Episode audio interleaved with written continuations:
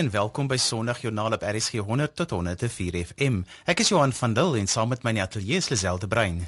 Goeiemôre. Ja, Sondagjoernaal is program waarin ons gesels oor nuus en mense en natuurlik ook gebeure in die geloofsgemeenskap. Januarie is ook al weer amper verby en vanoggend se program gesels ons met pastoor Lona de Wet van die Christen Polisie Vereniging. En professor Anton van Niekerk werp 'n bietjie lig op die verskil tussen 'n radikale persoon en 'n ekstremis. Stasie-offisier Leroy Kloete vertel van die rol van geloof in die lewe van 'n brandweerman en pastoor Linda Aides en Daniel Solomon van die Goodwood Brandweerstasie kuier by ons in die ateljee.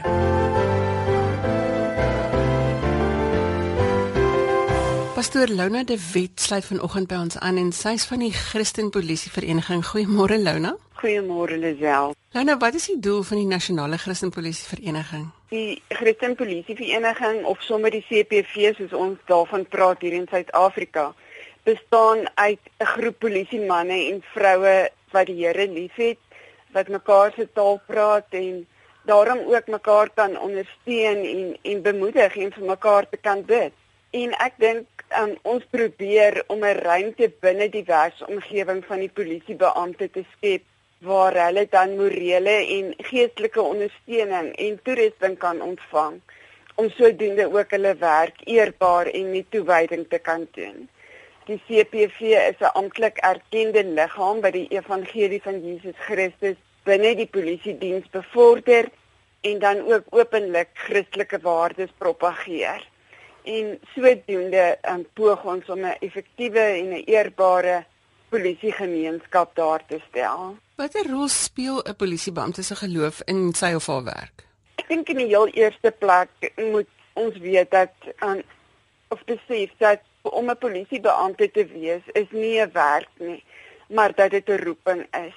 Um as polisiebeamptes is, is ons die mense wat baie keer eers tot die tonele kom en dis eers kennis maak met die stikkindheid van hierdie wêreld en dit is iets wat aan jou is as beampte kom vaskleef wil ek dit maar aanbestel en besef vir mens dat dit 'n negatiewe impak ook op 'n mens se lewe het en en dalk baie ander terreine ook binne jou lewensfaset het as dit nie reg hanteer word nie en um, in ons eie krag gaan ons nie misdaad kan beveg nie ons moet steun op die hulp en die genade en die liefde van Christus en dit na buitekant toe uitleef, het sy ons eie mense of familie of selfs die misdadiger. Hoe funksioneer julle in die praktyk? Weet jy hoe wel ons binne 'n uh, organisatoriese struktuur funksioneer? Is ons nie rigied en glo ons dat elke CPV lid wat bely dat Jesus Christus die Here is, 'n rol het om te vervul in die polisie? weer eens het sy of dit met die persoon is wat saam met jou op die voertuig werk of patrollie stap of dan ook in die kantoor sit.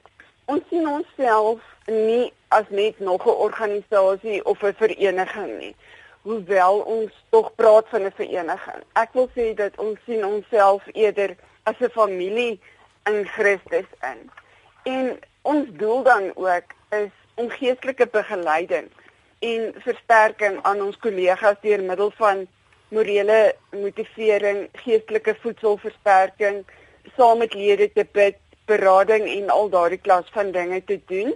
Ons bied dan ook een keer 'n jaar op provinsiale vlak sowel as op nasionale vlak verskeie kampe en kongresse aan asook seminare aan wat ons dan spesifiek fokus op geestelike ontwikkeling. Hoe werk die Christelike Polisievereniging saam met die kerke en gemeentes in die praktyk, Lona? Ons het 'n projek met die naam van Adopt a Police Station waar ons die kerke of die gemeentes vra om 'n polisiestasie die naaste aan hulle soort van aan te neem en dan ook so gereeld as moontlik vir daardie lede te bid en te bedien soos wat die Here dit op hulle harte lê. En vir ons die belangrikste van hierdie projek is is om die liefde van Christus aan polisielede te wys en ook om 'n brug tussen plaaslike gemeentes en polisiestasies te bou. Ehm um, deur middel van gebedsondersteuning en lede ook net te motiveer vir dit wat hulle doen. Ja, dit ek dink is baie belangrik dat mense hierdie verhouding het want dit maak dit net soveel makliker indien en wanneer jy 'n saak moet aanmeld. Dit is. En dit is ek dink Um, ons is lankal verby die stadium wat 'n mens kan sê dat dit is nie die polisiebeampte se werk om misdaad in die gemeenskap te be bekamp. Ek dink hierdie is 'n taak vir elke persoon in sy of haar gemeenskap waar hulle woon en sodoende raak ons betrokke by mekaar en kan ons na mekaar toe ook uitreik.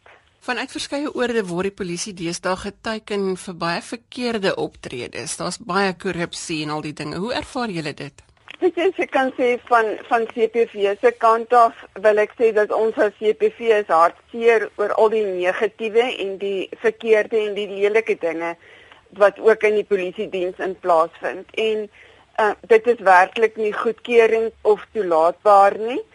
Maar ek wil ook vanmôre sê dat ons weet ook egter dat daar 'n groot meerderheid van lede is wat werklik toegewyd is en wat hulle werk met integriteit doen en wil ons vra dat die gemeenskap nie hulle vertroue ook in ons sal verloor nie. Daar is regtig duisende polisielede wat meer as hul pond vleis gee en hulle lewens op die spel plaas. Ja, en miskien is dit belangrik dat mens meer suksesstories moet hoor eerder as net dit van korrupsie, nê? Nee? Absoluut. Nee, absoluut. Het jy vir ons enige voorbeelde van dinge waarmee polisiemanne moet werk? Jy het genoem dat dit 'n stikkende wêreld is, die goeters waarmee hulle gekonfronteer word. Dis ja, ek dink op hierdie stadium aan ons moorde wat plaasvind, polisiemanne en vroue wat op die toneel verskyn. Ek wil sê alle tonele, maar spesifiek dink ek baie keer waar klein kindertjies by betrokke is en ouer mense by betrokke is. Dit is werklik die lelikheid wat wat hierdie lede sien. En jy kan nie met enige persoon daaroor altyd praat dit wat jy ervaar jou in jou emosies en alles nie. En ek dink tog dat ons as polisie manne en vroue verstaan nie opset ons ons ken die dinge dat dit makliker vir ons is om om met mekaar te kan praat en ek dink soveel te meer dan as 'n mens vanuit 'n geestelike um, aspek saam met iemand kan deel in hierdie dinge en kan help om dit makliker te maak. Ek kan dalk net een kort insident vir jou noem van 'n geval wat 'n klein seentjie nie lank terug vir my gesê het sy pa werk in 'n moeilike eenheid by die polisie diens. En sy vrese was hy moes by die skool moes hy prentjies teken en hy het niks geteken nie en toe die onderwyser met hom praat en vra maar hoekom het jy niks geskryf terwyl die ander kinders so baie geskryf het rondom jou ouers Wat sy enigste wat hy gesê het, is tannie ek is bang my pa kom nie vanaand huis toe nie, want hy doen gevaarlike werk. So mense sien wat is die impak wat 'n polisieman se werk ook op sy gesin het en hoe dit ook maar deurskemer en dit nie reg hanteer word en hanteer word nie, dink ek kan daar baie trauma en hartseer na vore kom. Lona, jy het genoem dat jy 'n kongres hou. So, hoe lyk 2015? Is daar in 2015 'n kongres en wanneer sal dit wees? Lisel, ons het in in uh, Augustus maand, die 20ste tot die 23ste Augustus, vind ons nasionale um, CPV kongres plaas in Pretoria in. En ons ek wil sê dit op hierdie stadium lyk dit vir my baie meer dat hy internasionaal gaan wees ook omrede van die oorseese lande het reeds te kenne gegee en reeds reeds in die proses om hulle besprekings te doen vir die kongres. En ek kan maar net sê dat dit werklik vir ons een van ons hoogtepunte is gedurende die jaar waar ons van oor die land en dan ook van oor die wêreld bymekaar kom as polisie manne en vroue om mekaar te bemoedig en mekaar te bedien en sommer ook net lekker saam met mekaar te kan kuier.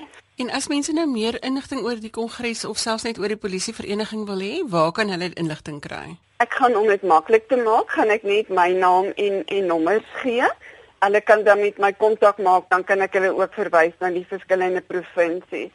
My nommer is 051 430 8774 of dan my selnommer is 082 542 72 34 en mense kan ook op die webtuiste of op Facebook kyk onder Christian Police SA.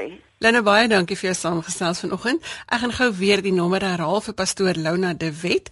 Sy het met ons gesels oor die Christen Polisie Vereniging en ook oor 'n kongres wat in Augustus gehou word. Die nommer is 051 430 8774 051 430 8774 en as jy ons selfoon wil skakel 082 542 7234. Lona, dankie dat jy saam met ons gesels het vanoggend. Baie dankie Lisel, goed gaan. As jy sopas ingeskakel het, sê ons goeiemôre en welkom by Sondag Joernaal op RSG 100 tot 104 FM. Galoer gerus op RSG se webblad by rsg.co.za vir inligting oor ons program en ook vir die res van RSG se skedules vir vandag. Ons gaste se kontakdetail is ook op Sondag Joernaal se Facebook bladsy. Ons ateljee is lekker vol vanoggend. Stasie-offisier Leroy Kloete is van die Strandse Brandweerdienste en gesels vanoggend met ons oor die rol wat geloof in sy lewe speel. Goeiemôre Leroy. Uh, goeiemôre Lisel. Leroy, hoe lyk 'n tipiese dag in die lewe van 'n brandweerman? Wel, 'n tipiese dag begin gewoonlik 9 uur in die oggende. Ons kyk na al ons gereedskap, dat alles reg is. Kyk ook as die personeel reg is en dan ook net vir onsself te gesels en ons bid in die oggende net om die dag voor te sit. So jy is stasiebestuurder. Wat wat beteken dit? So jy hou al die manne bymekaar. Ja, ek is die leier op die skof, so ehm um, alles kom na my toe en ek moet seker vir alles antwoord. Watter tipe situasies moet jy hanteer? Oor is baie julle sel. Ehm um, as ek dink nou van die ergstes, maar seker die trauma, mense wat nou doodgebrand is, mense wat nou vasgesit is in 'n kar, ehm um, mense wat nou omgereis by 'n trein. Dinge soos dit wat 'n mens nou laat dink oor die lewe. Ehm um, is kort en ons dink maar net ons reik uit na ons eie mense, familie en dan dink ons ja, dit kan so erger gewees het en ons reik ook uit na die mense uh, wat hulle deurgaan you know. Mm. Soms as niks maar nie, daar's niks pa nie niks kinders nie en dan hoe hoe gaan hulle nou vir die ander familie verduidelik wat het gebeur en So julle sien eintlik 'n kant van die lewe wat baie mense nie van weet nie of normaalweg nie sien nie. Dis 'n baie emosionele situasie wat julle moet hanteer. Ons sien dit dat daar's 'n pad van ons wat ons moet eintlik nou beskerm want ons ons ook maar net mens en dan soms by so 'n geval word jy ingetrek. So ons moet maar probeer om professioneel te wees en en te doen wat ons moet doen. So kom ons kom by die kruks van vanoggend se geselsie. Watter rol speel geloof in jou elke dag? Ja, geloof is nommer 1 van sonder die Here in 'n mens se lewe kan 'n mens nie heeltemal reg dink nie. Mens kan ook nie reg praat nie. En die besluite wat 'n mens moet maak is ons kan nie ons eie besluiting maak. Ons moet na die groot prent kyk en daarvan af wag dat die persoon binne jou maar self sê hoe dit moet gedoen word. So is baie belangrik. Ons het gesien al mense wat nie glo in die Here nie dat ehm um, die besluitings wat hulle maak is like ja, is dit nou die regte besluit? 'n Mens kan betere besluitings kan maak. So ja, dit is baie belangrik, Lisa. En het julle verskillende gelowe bymekaar by die brandweerstasie? Met ander woorde, is almal Christene of is daar ander gelowe by betrokke ook? Ja, is nie almal Christene nie. Ehm um, Lisa, ons ander gelowe of ook betrokke is. Ja. Gesels julle met mekaar? Is dit maklik om by mekaar uit te kom of is dit iets wat 'n struikelblok is? Dit is nie eintlik 'n struikelblok nie. Ek dink ek vind net uit dat van die spanne hulle sit 'n struikelblok op vir hulle self. Want as ons gesels dan daar is 'n manier om om deur te kom. Ehm um, laasweek het ons nou kos gehad by 'n brand en die een um, boks was nou 'n swart boks en die een boks was 'n rooi boks. En dit was ons gesê dat die een is nou vir die wat die Christen mense is nie en die ander is vir die vir die ander mense sal ek maar so sê. En vir my mense is mens kos is kos. En ons het 'n goeie geselskap saam met die een man. En toe sê ek hom nee man kos is kos. As jy honger is moet jy eet. Waarvan dan kom die kos? So na dit toe kan ek sien hy het uit verstaan. Ons moet man uittrek vir almal.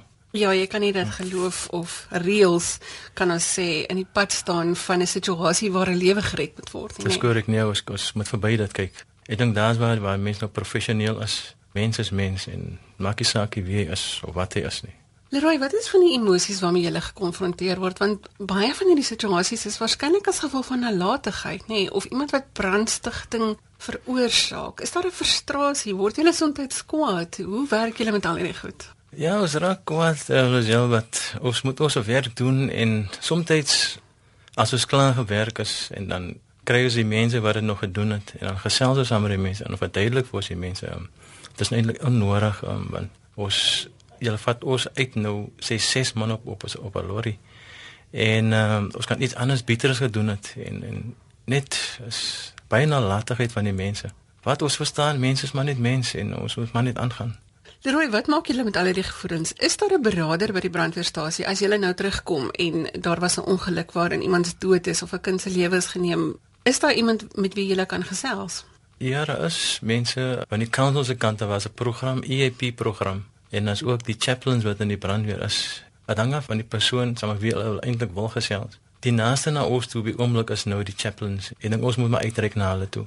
Want hulle is ook opgelei hoe om dinge te hanteer. In 'n storie soos wat nou in Parys gebeur het, waar die mense net eenvoudig koelbloedig doodgeskiet is in die polisie dienste. Ehm um, julle brandweerdienste, julle word ook soms daarmee gekonfronteer. Gaan dit deur jou kop ooit as jy uitgeroep word na 'n saak toe of na 'n ongeluk toe, ehm um, dat jou lewe in gevaar is? Ja, definitief, uh, Lazel. Um, ek vra altyd as die polisie op die toneel is, voor ons nou self so toe gaan, want soms gaan 'n man so toe om te help Maar dan kom ons op die toneel dan as dan mense is wat vir ons nou sê nee, gaan weg. Want soms ek het klaar gesien op op 'n toneel dat ons wil die 'n persoon se lewe red. Die persoon bloei en ons wil ons ons voldoen wat ons wat ons moet doen en kom die familie dan ja die familie vir ons weg. Nee, los hom, hy moet dood gaan. You know so daar's ook daai um, kant van mense wat hulle sê nee nee nee, hulle moet hier wie sê, 'n man moet sterf en so. Dit is baie uh, moeilik soms, you know. Leroy, jy praat van 'n wêreld waarvan min van ons weet. Jy is vanoggend die land se gelowiges na wat na jou luister. As ons vir julle moet bid vir iets, waarvoor sal dit wees? Vir ons siel, ons familie en ook dat ons die regte besluitings maak in die lewe. Ons is maar net mens ook. Sonder die Here het ons niks nie. Dit was stasie offisier Leroy Kloete van die Strandse brandweerdienste wat met ons gesels het oor sy geloofslewe. Dankie Leroy vir die saamgesels. Plesier is nou.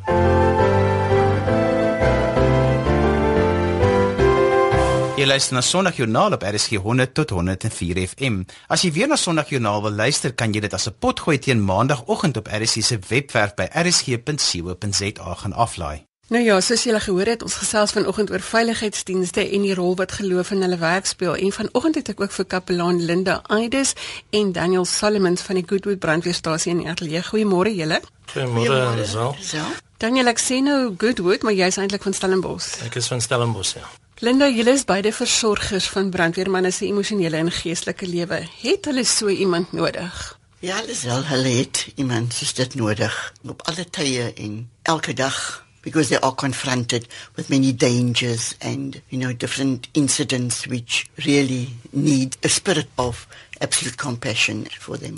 Daniel, hoe werk dit? Wat doen julle alles? Jy word basies genooi om deel te vorm. Ons is so 40 min of meer um, kapelane in die Weskaap.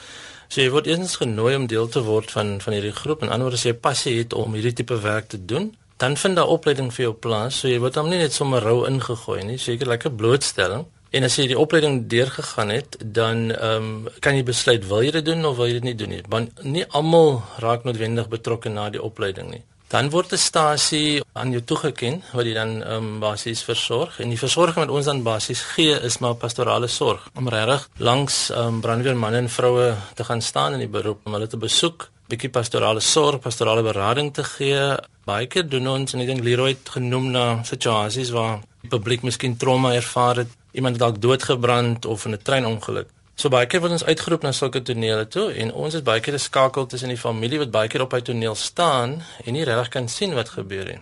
Ehm so jy jy staan daar in 'n bediening van teenwoordigheid waar jy die die die man en vrou wat besig is om lewe te red probeer ondersteun deur vir hulle te bid, maar ook om die familie 'n bietjie te te ondersteun. Dan is daar van ons wat gekwalifiseer is of wat lisensie het om om troues te kan doen. So as daar selfs manne in die brandweer wil trou of vrouens is dan kan dit ook ook gereël word en so aan. Ehm um, en baie belangrik is die ontlonting. Baie keer as soos leer genoem het as hulle terugkom, die emosies wat 'n mens ervaar. En ek dink miskien volgens belangrik om te noem dat die emosies wat ons al baie keer opgetel het, veral as daar kinders betrokke was, veral as daar lewensverlies is. Het jy alles gegee, het gedoen wat jy hulle jou opgelei het om te doen?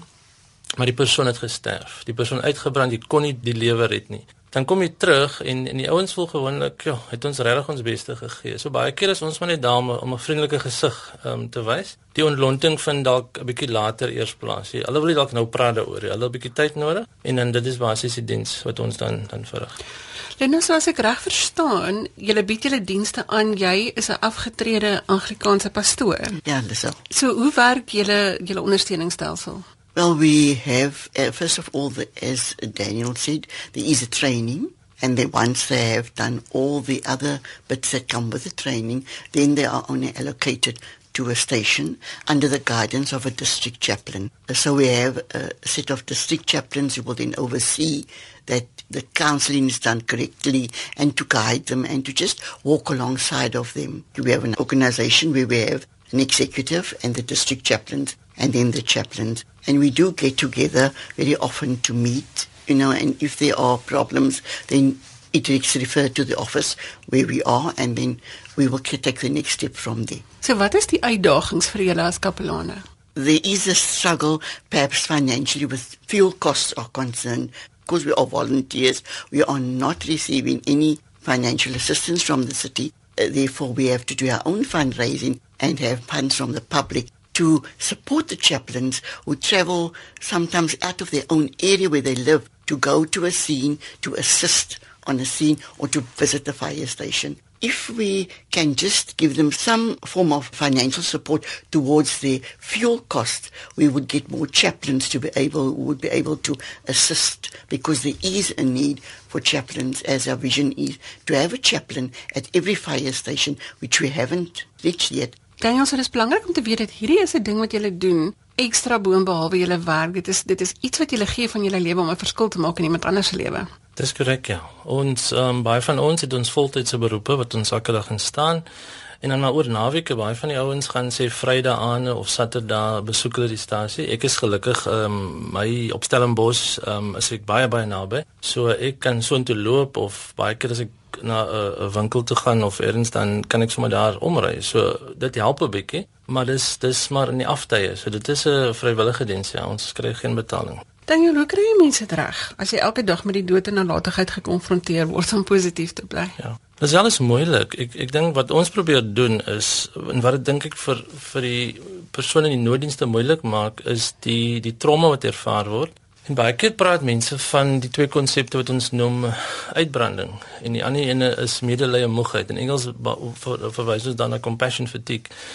Dat jy raak moeg, maar jy's nie moeg vir wat jy noodwendig doen nie. Jy jy verstaan nie wat regtig met jou gebeur nie. So tussen hierdie twee lyne hardloop jy baie keer rond waar jy by 'n punt kom waar jy nie meer kan nie. Terwyl medelee moegheid te maak het met jy kan een keer blootgestel word aan 'n situasie, dan is jy net so gedreineer en so. Om positief te bly is baie moeilik omdat ek dink ons ons kyk baie keer na die dimensies van 'n mens, want ons praat van die die kognitiewe, die affektiewe en die kognitiewe. So daai areas hoe jy begin emosioneel reageer op wat met jou gebeur hoe jy daaroor dink en hoe jy daaroor voel en wat jy trend wil doen. En dis waar die kapelane dan inkom en ons probeer reeds proaktief ook optree. Ons wil regtig nie eers kom as iets gebeur het nie. En dis hoekom gereelde besoeke belangrik is. So baie keer dan bied ons kort werkswinkeltjies baie keer aan om te sê hoe hoe hanteer ek trauma terwyl ek nou op 'n goeie plek is. So wanneer dit die dag gebeur, dan het ek daardie hanteringsmeganismes of gereedskap om maar mee te mee te werk. Ons kry baie keer die gevoel dat ons kom baie keer maar in as die ding klaar gebeur het. En nou sit jy en jy moet lank werk om om herstel te doen. Maar ek wil ook vanoggend sê dat ons is regtig nie die alfa en omega nie. Ons staan in absolute afhanklikheid van ons Skepper En al wat ons doen is dit is 'n pastorale sorg maar basies is ons ontmoet mense waar hulle is en ons stap maar pad saam met hulle. Ons is nie sielkundiges nie, maar wat ons baie keer doen is ons kan ten minste optel wanneer iemand dan verwys moet word vir verdere hulp en so aan. Ja. Ons het gesels met pastoor Linda Aides en Daniel Solomons wat vir ons 'n bietjie 'n kykie gegee het in die lewe van 'n brandweerman en die dienste wat gelewer kan word. So as jy daar buite is en jy soek iets om te doen wat goed is, gaan kuier by jou brandweerstasie, ondersteun die manne in dit wat hulle doen. Baie dankie vir julle saamkuier vanoggend. Baie dankie Lisel. Die Christen Polisie Vereniging en ons brandweergaste se kontakdetail is op Sondagjoernaal se Facebook bladsy waar jy ook jou stem kan laat hoor en ook fotos kan sien waar ons in die wêreld was om stories vir julle bymekaar te maak. Professor Anton van die Kerk is van die departement filosofie van Universiteit Stellenbosch en hy kuier baie vinniger as wat hy beplan het weer hier saam met ons in die ateljee vanoggend. Goeiemôre Anton. Môre Lisel. Anton 12 joernaliste van 'n baie klein nuusmarkpublikasie in Frankryk is doodgeskiet en die skuldiges het dit in die naam van Allah gedoen, die god van die moslems. Kan jy vir ons verduidelik wat is die verskil tussen 'n radikale en 'n ekstremis en 'n terroris? Uh ja, nee, dit is 'n geweldige tragiese insident wat ek dink uh, ons noop om baie ernstig oor hierdie soort van goed na te dink.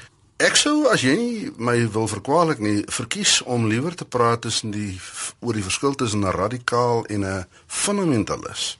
Ek dink die begrip fundamentalisme is uh, is een van die groot probleme waarmee ons sit wanneer dit gaan oor godsdiens en die rol van godsdienstige mense in die wêreld en in die uh, geskiedenis. Ek het nie soveel probleme met die begrip radikaal nie. Radikaal kom van die latynse woord radix wat oorspronklik wortel beteken.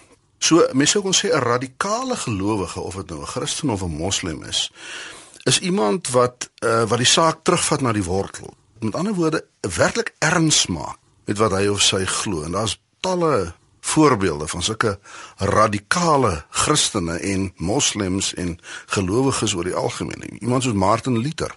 Uh sou ek vir wie ek dink die meeste van ons 'n groot bewondering het.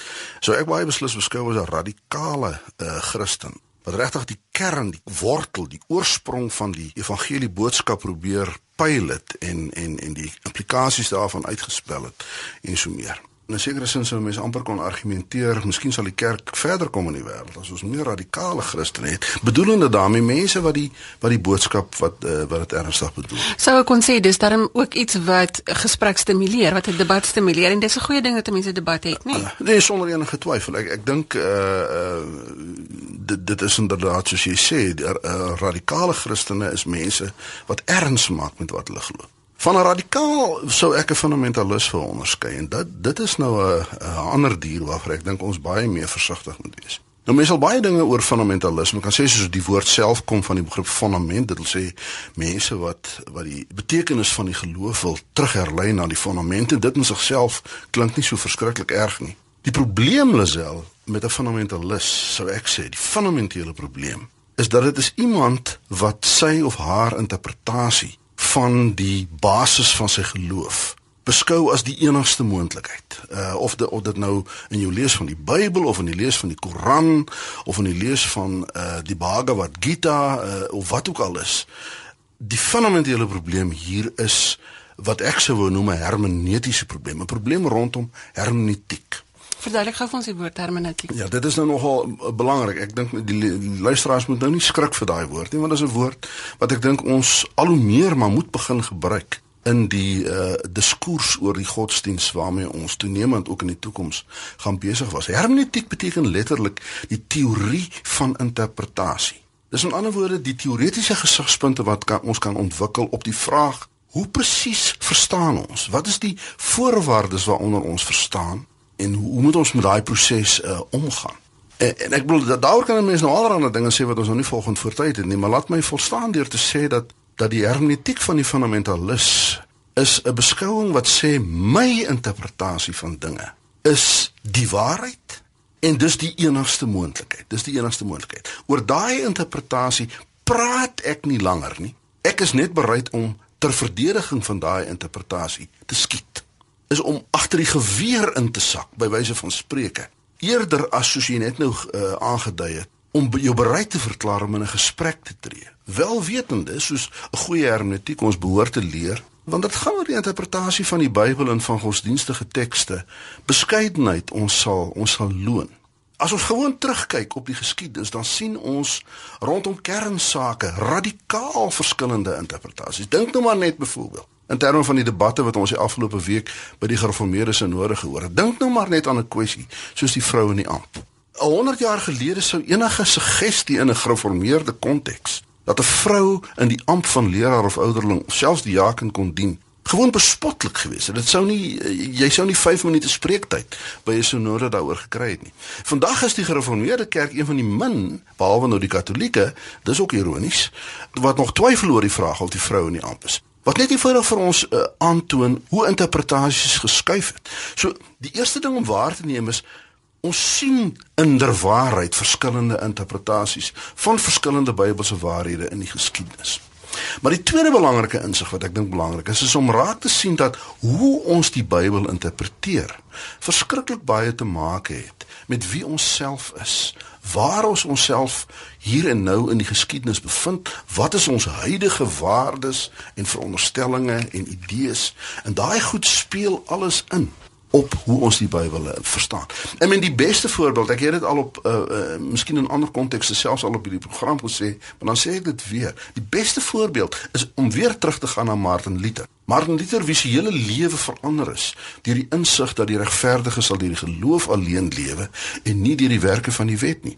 Mense sou kon vra, daai teks en as 3 keer wat dit in die Bybel staan. Daai teks het al altyd in die Bybel gestaan. Hoekom word dit aan die begin van die 16de eeu toe Luther lewe so 'n big deal? Uh en, en was dit nie op ander tye nie? Wel die antwoord daarop is dat daai teks het ingespeel op 'n ernstige krisissituasie wat Luther in die kerk van sy tyd beleef het, naamlik die hele idee van werkheiligheid, van almoses wat jy vir die kerk omgee en dan sê die uh, priesters dan spring jou siel uit die vagevuur uit die oomblik as jy as jy die geld betaal. Nou dit is 'n onaanvaarbare idee geweest en vir Luther was dit 'n totale bevryding om in die Bybel te ontdek dat ons word geregverdig nie deur wat ons doen nie, maar deur die genade van God alleen, die solas van die reformasies.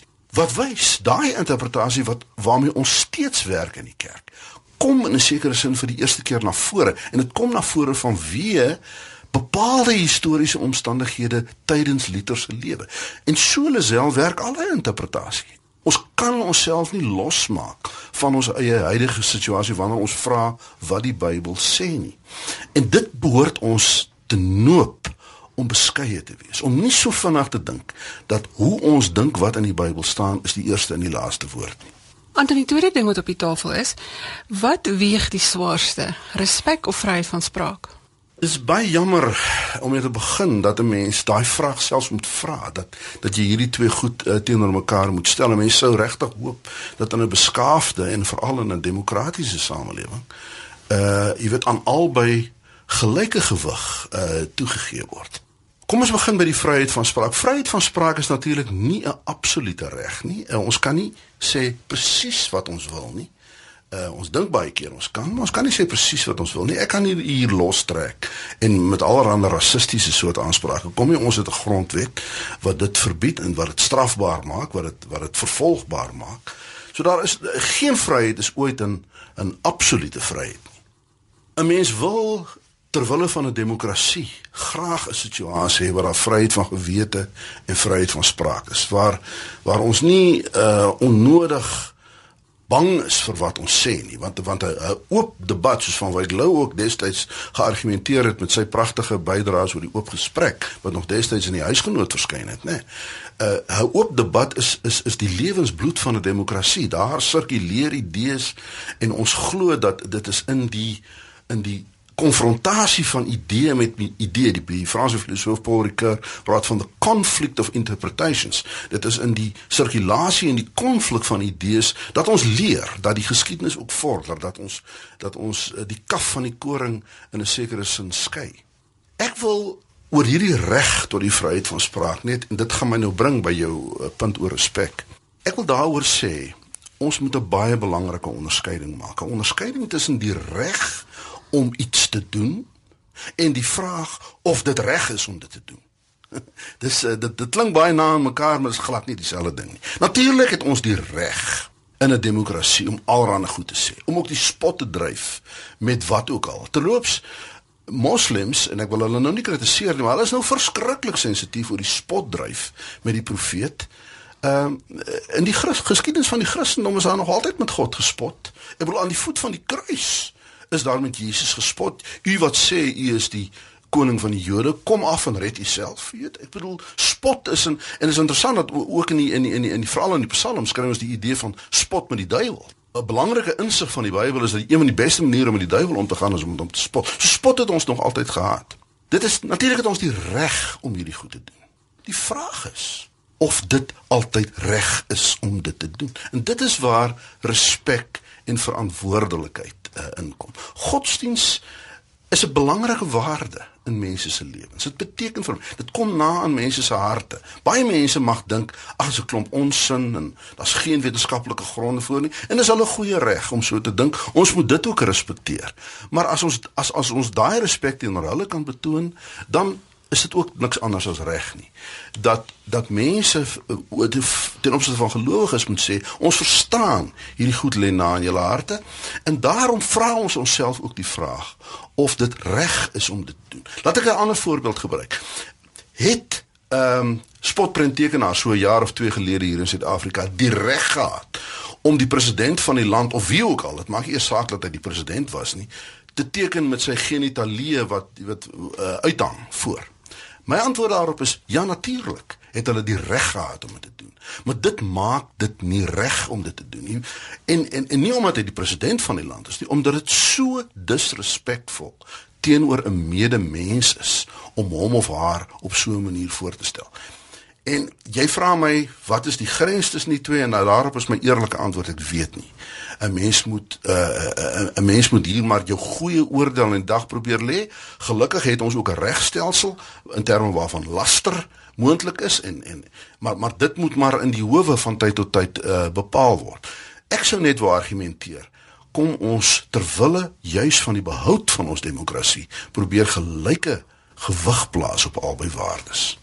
Professor Anton van die Kerk is van die departement filosofie van die Universiteit van Stellenbosch en hy het met ons gesels oor die gebeure in Parys en vir ons 'n bietjie lig daarop gewerp. Dankie Anton vir die saamgesels. Baie dankie. Ons gesels vandag oor beskermingsdienste na aanleiding van die gebeure in Parys en om vir ons vanuit 'n moslimgemeenskap perspektief te gee op die gebeure. Sluit Sheikh Najjar vanoggend by ons aan. Goeiemôre Sheikh. Goeiemôre Lazel en goeiemôre vir al die mense wat aanhoor vir ons. Sheikh, uh, die gebeure in Parys, hoe moet ons dit interpreteer? Ja, Lazel, laat ek afskop om te sê Islam is nie dit nie. Dit is geen niks te doen van Islam en moslems nie. Dit is wat Islam al 1435 jaar gelede het Islam gesê dis nie toelaatbaar nie, soos ons sê dit condemn. Maar wat baie belangrik is ook vir my uh, Lazel is dat kyk as ons kyk 5 keer per dag, soos jy weet en die luisteraars natuurlik, doen ons 'n aanbidding. En kort na dit na maak ons 'n gebed elke dag. Waar dit praat van vrede. En, en en ek wil dit noem in Arabies sodat ons kan mooi verstaan dat dit is hoe ons dit behoort aan te kyk dat dit niks te doen met Islam nie. Waar ons elke dag sê Allahumma anta salam. O Allah u is vrede. Wa minka salam. En van u kom vrede. Fahayyina bisalam en laat ons lewe in vrede. Nou kyk net daardie gebed. Dit is die standpunt van Islam, vrede. So as ek byvoorbeeld kyk na daardie en ek kyk ook die oomblik ek as persoon as moslim 'n nog 'n persoon ontmoet. Soos ons weet, dat wat ons groet, soos goeiemôre, goeiemiddag of goeienaand. Maar kyk die groet van Islam. Waarom sê Assalamu alaykum. Vrede is op u. Nou as ek so begin met 'n ontmoeting, dit maak nie saak watter geloof die persoon aan behoort nie. Maar as ek so sê, vrede op u, hoe kan ek ook nog vir u miskien verkeerdheid aan aan doen as ek dit moet sê? Sê nou die imams wat hierdie goed dan nou aanmoedig. So ons lees nou in die koerante daar's nou spesifiek hierdie mense wat mense werf en wat dit dan kom doen. Ons sê nou dis 'n dis 'n geloof van vrede en nie van oorlog nie. Maar hierdie imams kan hulle beheer word. Is daar 'n raad wat hulle bymekaar kan trek? Hoekom is hierdie mense so los in die wêreld? Jy weet dit is die probleem wat jy het. Jy noem die jy noem 'n goeie naam imams. Is hulle regtig gekwalifiseerde imams? En as ek glo waarlik as hulle gekwalifiseerde imams is, kan hulle nie hierdie iets sê of doen nie. So dit is niks te doen met Islam nie. Dit is individueel. En nommer 2 is as enige iets binne naam van 'n moslim dit doen, kan ons nie sê Islam sê dit nie. Dit is 'n individueel wat dit natuurlik doen. Sê ek lees in Oorseese koerante dat daar spesifieke verse in die Koran is wat hierdie tipe van goed aanmoedig. Is dit so? Ek glo nie. Lisel, as ek kyk nou byvoorbeeld, as ons kyk in die Koran, waar Allah subhanahu wa ta'ala sê in die heilige Koran wala tastawi alhasanatu wala sayyi'a. Verkeerd en reg kan nooit ooit gelyk wees nie. Dan sê hy ook maar as daar iets is tussen die twee mense waar jy miskien iets gedoen het wat verkeerd is moenie reageer op 'n manier wat die persoon gaan seermaak nie. Hy sê itfa billati ahsan doen iets wat beter is wat mooi is Want wat gaan gebeur? Daardie persoon agterna gaan 'n beter persoon raak. En ek dink wat is dit is baie belangrik en ook 'n beveel van die Almagtige in die Heilige Koran. Wa ahsinu doen goed want waarlik waar inna Allah yuhib Allah as lief vir die mense wat goed doen. So as ons dit kyk Lisel en luisteraars, dan kan ons net sien daar kom goedheid, daar kom vrede, daar kom mooiheid en dit glo my, dit is van enige geloof soos ek dit glo van. Daar kan dit kom van geloof nou. Sheikh, is daar genoeg stemme wat uit die moslimgemeenskap opgaan teen hierdie tipe van optrede want dit is tog die naam van die geloof wat skade lê. Natuurlik ons kondem dit hulle selfs soos ons dit doen vandag. En elke moskee wat ek van weet, ek was binnekort oor see gewees ook. Oral wat ek uh, uh, gegaan het en oral hier in Suid-Afrika wat ek ontmoet het, daar by die moskee elke Vrydag weekie het ons 'n groot uh, byeenkoms wat ons heilige dag is. Ons het totally dit condemn. Dit is niks te doen van Islam en met die moslems nie. Jy is op die wêreldraad van verteenwoordigers. Praat julle oor hierdie ding? Is dit vir julle 'n kopseer? Probeer julle dit oplos? Jy weet wat baie belangrik is vir my en vir ons almal, uh, Lisel, is hierdie mense represent nie Islam en die moslems nie. Dit is baie belangrik. En ek dink dit is die probleem wat ons sê, miskien dink die media, hulle naam is so en hulle is van die maar hulle kan nie en kan nooit vir ons as Islam en moslems represent nie. Nou as dit van daardie oogpunt neem, dan kan ons sien dan dat as enige iets iets doen Dit maak nie saak van watter geloof daardie persoon is nie, kan ons nooit sê dat die geloof is iets verkeerd met die geloof en diegene wat daardie geloof volg nie. Sheikh Laastens, hoe kan ons as gelowiges saam staan om hierdie ding te te werk? Dit is heel baie belangrik en ek het dit soveel keer ook gesê op radio sonder grense. Wat baie belangrik is dat ons mekaar moet respekteer as gelowiges, as mens. En ek het altyd die versie neem ek waar Allah subhanahu wa ta'ala praat in die heilige Koran. Toe die Allah profeet Adam geskaap het, toe wat beveel hy? vir die engele en vir diegene wat natuurlik daardie tyd soos die engele wat geskaap en gewees het. Hy sê fa idha sawaitu as ek vir hom gemaak het wa nafakhtu fihi min ruhi en ek blaas in sy liggaam my siel dan moet julle buig in respek vir hom. Nou elke iedere mens, dit maak nie saak watter geloof hy of sy is nie loop met die siel van die Almagtige. En dit is wat ons sê moet ons respek mens. Nou as ons promoters van ons Vrydags, die predikante, die dominees, ons sê vir ons mense, respek mekaar. Ons gaan verskil. Ons moet verskil. Maar hoe verskil ons? Ons verskil met respek en ons kan nog liefde toon vir mekaar en ek dink dit is 'n belangrike punt. Dankie vir die saamgesag Sheikh en vir die perspektief wat u vir ons gegee het. Lazel is my pleasure.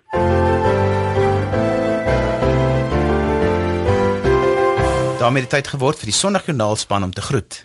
Volgende Sondag begin ons gesels oor al die aspekte van geloof en verhoudings. Het sy of dit nou is in 'n gesinsverhouding of jou verhouding met jouself of jou verhouding met God. Tot dan groet ons met die musiek van Louis Brits en hy sing Psalm 16 wat ek van u ontvang het. Ek groet ook namens produksieregisseur Neil Roo agter die kontroles. Tot later vandag van my Johan van Dil. Totsiens.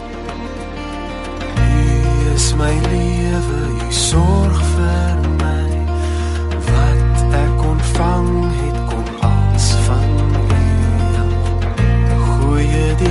vir my afgeneem wat ek ontvang het is vir my nie ek het vir die Heer gesê ek behoort aan u. Daar is niks goeds vir my behalwe by u.